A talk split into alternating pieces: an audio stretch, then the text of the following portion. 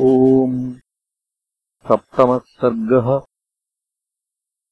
श्रीमहादेव उवाच कालनेव च श्रुत्वा रावणोऽमृतसन्निभम् जज्वालक्रोधताम्राक्षः सर्पिरद्भिरिवाग्निमत् निहन्मि त्वाम् दुरात्मानम् मच्छासनपराङ्मुखम् परैः किञ्चिद्गृहीत्वा त्वम् भाषसे रामकिङ्करः कालने निर्वाचेदम् रावणम् देव किम् कृधा न रोचते मे वचनम्। यदि गत्वा करोमि तत् प्रययौ शीघ्रम् कालनेमिर्महासुरः नोदितो रावणेनैव हनूमद्विघ्नकारणात्। स गत्वा हिमवत्पार्श्वम् तपोवनमकल्पयत्। तत्र शिष्यैः परिवृतो मुनिवेशधरः खलः गच्छतो मार्गमासाद्य वायुसूनोर्महात्मनः। ततो गत्वा ददर्शाथ हनूमानाश्रमम् शुभम्।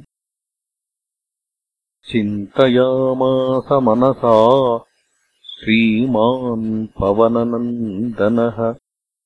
पुरा न दृष्टमेतन्मे मुनिमण्डलमुत्तमम्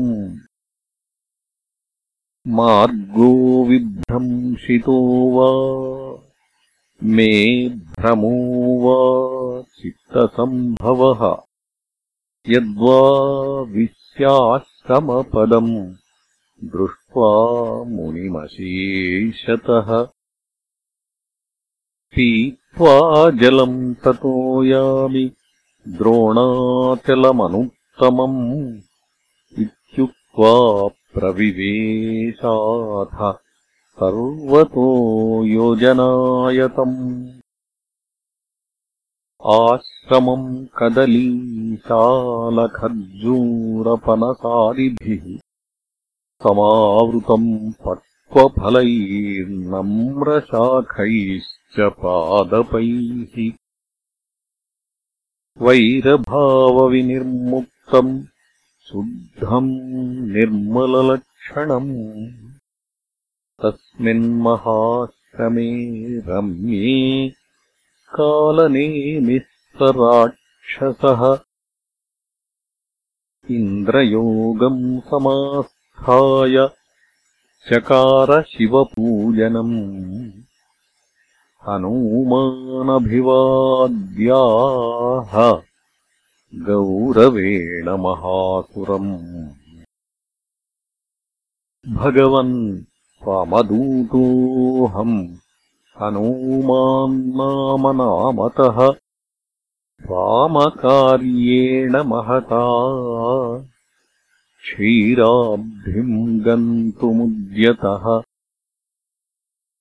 हृषा माम् बाधते ब्रह्मन्नुदकम् कुत्र विद्यते?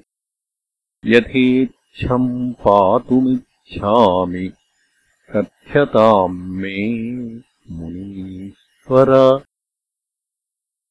तच्छ्रुत्वा मारुतेर्वाक्यम् कालनेमिस्तमब्रवीत् कमण्डलुगतम् तोयम् मम त्वम् पातुमर्हसि। भुङ्क्ष्वचेमानि पक्वानि फलानि तदनन्तरम् निवसस्वसुखेनात्र निद्रामेहि स्वरास्तु मा। भूतम् भव्यम् भविष्यम् च जानामि तपसा स्वयम्। उत्थितो लक्ष्मणः सर्वे वानरा। रामवीक्षिताः। तच्छ्रुत्वा हनुमानाः। कमण्डलुजलेन मे। न शाम्यत्यधिका तृष्णा ततो दर्शय मे जलम्। तथेत्याज्ञापयामास वटुम् मायाविकल्पितम्। वटो दर्शयविस्तीर्णम् वायुसूनोर्जलाशयम्। निमील्य चाक्षिणी तोयम् पीत्वा गच्छ ममान्तिकम् उपदेक्ष्यामि ते मन्त्रम् येन द्रक्ष्यसि चौषधीः। तथेति दर्शितम् शीघ्रम् वटुना सलिलाशयम् प्रविश्य हनुमांस्तोयमपि बन्मीलिते क्षणः ततश्चागत्यमकरी। महामाया महाकपिम्। अग्रसत्तम् मारुतिम् घोररूपिणी। ततो ददर्श हनुमान् ग्रसन्तीम् मकरीम् रुषा दारयामासहस्ताभ्याम् वदनम् सा ममारः। ततोऽन्तरिक्षे ददृशे दिव्यरूपधराङ्गना धान्यमालीति विख्याता हनूमन्तमथाब्रवीत् त्वत्प्रसादादहम् शापात् विमुक्तास्मि शप्ताहम् मुनिना पूर्वमप्सराः कारणान्तरे। आश्रमे यः ते दृष्टः कालनेमिर्महासुरः।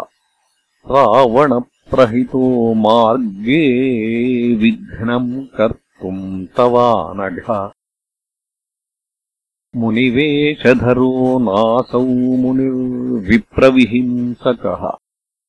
जहि दुष्टम् गच्छ शीघ्रम् द्रोणाचलमनुत्तमम्। गच्छाम्यहम् ब्रह्मलोकम् त्वत्स्पर्शाद्धतकल्मषा इत्युक्त्वा सा ययौ स्वर्गम् हनूमानप्यथाश्रमम्।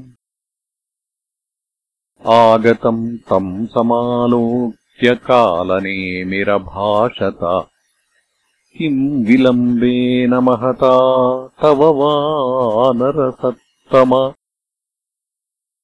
गृहाणदक्षिणामेतामित्युक्त्वा निजघानतम् विसृज्य मुनिवेशम् स कालनेमिर्महासुरः। युयुधे वायुपुत्रेण नानामायाविधानतः। महामायिकदूतोऽसौ हनूमान्मायिनाम् रिपुः। जघानमुष्टिना शीर्ष्णि भग्नमूर्धा ममारसः ततः क्षीरनिधिम् गत्वा दृष्ट्वा द्रोणम् महागिरिम्।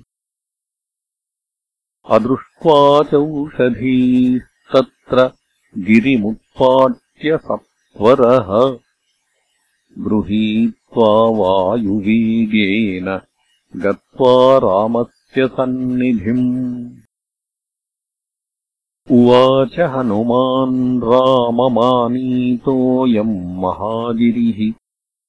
यद्युक्तम् कुरु देवेश विलम्बो नात्र युज्यते श्रुत्वा हनूमतो वाक्यम् रामः सन्तुष्टमानसः। गृहीत्वा चौषधी शीघ्रम् सुषेणेन महामतिः। चिकित्साम् कारयामास लक्ष्मणाय महात्मने।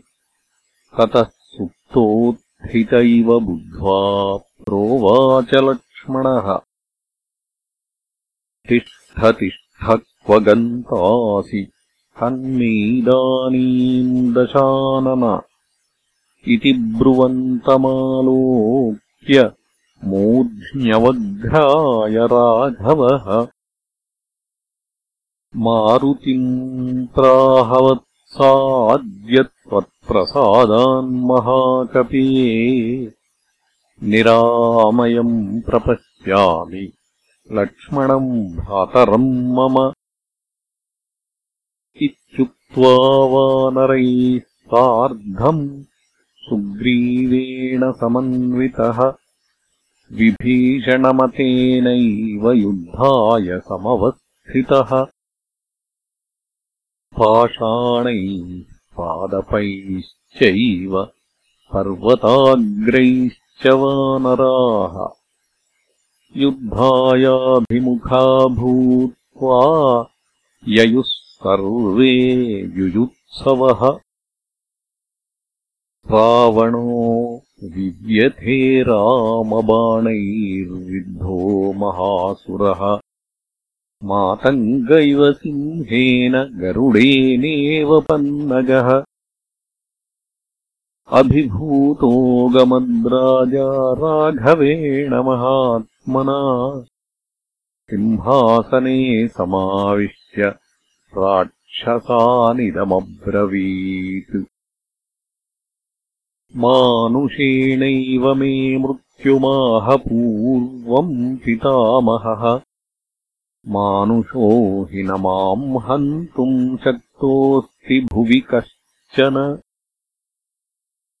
ततो नारायणः साक्षान्मानुषो भून्न संशयः। रामो दाशरथिर्भूत्वा माम् हन्तुम् समुपस्थितः अनरण्येन यत्पूर्वम् शप्तोऽहम् राक्षसेश्वर। उत्पत्स्यते च मद्वंशे परमात्मा सनातनः। तेन त्वम् पुत्रपौत्रैश्च बान्धवैश्च समन्वितः। हनिष्यसे असन्देहै माम् दिवम् गतः। स एव रामः सञ्जातो मदर्थे माम् हनिष्यति। कुम्भकर्णस्तु मूढात्मा सदा निद्रावशम् गतः। तम् विबोध्य महासत्त्वमानयन्तु ममान्तिकम् तास्ते महाकायास्तूर्णम् गत्वा तु यत्नतः विबोध्य कुम्भश्रवणम् निन्यो रावणसन्निधिम् नमस्कृत्य स राजानमासनोपरि संस्थितः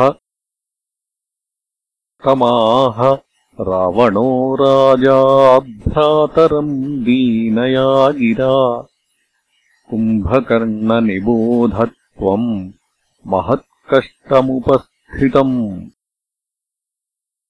रामेण निहताः शूराः पुत्राः पौत्राश्च बान्धवाः। किम् कर्तव्यमिदानीम् मे मृत्युकाल उपस्थिते एष दाशरथी रामः सुग्रीवसहितो बली। समुद्रम् सबलस्तीर्त्वा मूलम् नः परिकृन्तति।